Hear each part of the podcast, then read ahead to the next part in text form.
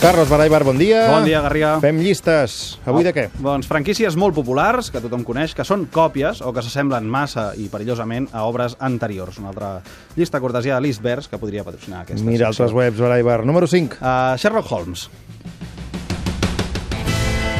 L'últim Holmes, el que hem vist de Benedict Cumberbatch a la BBC, doncs es veu que el creador d'aquest personatge, Arthur Conan Doyle, que a més de jugar a críquet feia moltes altres coses, s'havia llegit totes les historietes creades per Edgar Allan Poe sobre el detectiu Auguste Dupin i eh, mentre que Poe eh, es va in- inventar el gènere policia amb aquest personatge seu i va passar la història per crear les, la, les primeres històries de terror, fosques, gòtiques, doncs Conan Doyle es va emportar a la fama.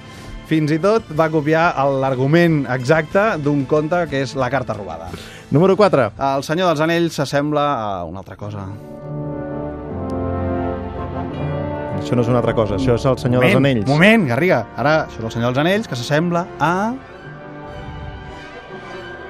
Eh? Apocalipsi Now. No! L'anell del Nibelung, de Richard Wagner, és sigui Ja, sí, és però una no... broma, és una broma. Endavant, endavant. Vale, vale. Doncs el propi Tolkien va dir que només s'assemblaven en que l'anell era rodó, però, senyor Tolkien, les dues obres estan basades en les mitologies nòrdica i germànica. L'anell fa poderós i invisible el qui el porta, eh, el pot fer embogir, a més, i a més a les dues històries hi surt una espasa molt important que s'ha de tornar a forjar i un immortal que perd la immortalitat. O sigui, senyor Tolkien, una mica d'humilitat, que que, no passa res.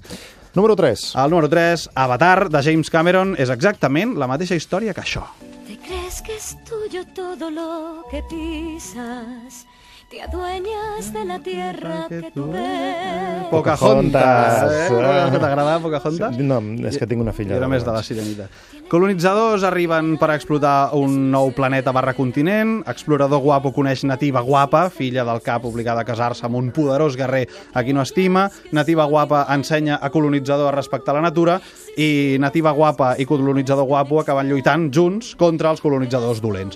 Pocahontas va acabar a Anglaterra com a exemple que els natius del Nou Món, entre cometes, podien ser domesticats, això deien en aquella època. I Cameron, que va acabar quatre cops demandat per plagi per aquesta pel·lícula. Ah, Número va bé. 2. Continuem amb Disney, el rei León.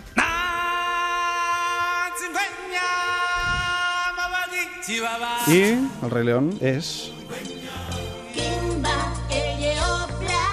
El rei, es diu que aquesta pel·lícula de Disney, és a dir, aquí Disney ha passat de plagiat a plagiador, es diu que és un plagi absolut del còmic japonès Kimba el lleó blanc.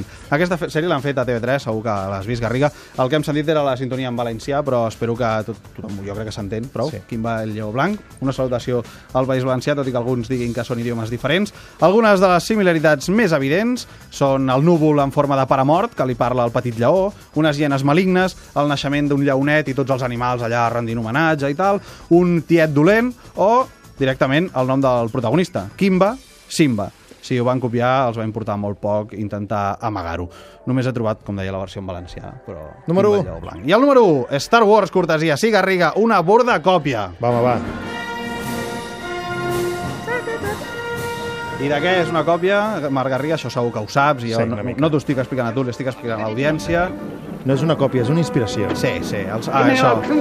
El propi George Lucas ha reconegut que les semblances entre de les Galàxies i la fortalesa amagada d'Akira Kurosawa no són una coincidència.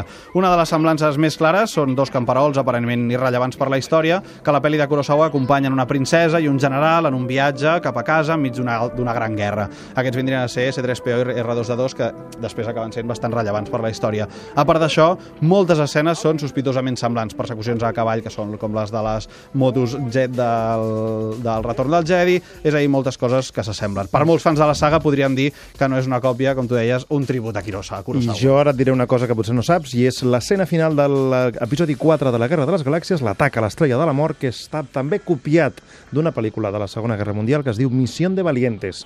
Els fans que ho busquin. George Lucas és un frau. Vinga. Fins ara. Fins dilluns.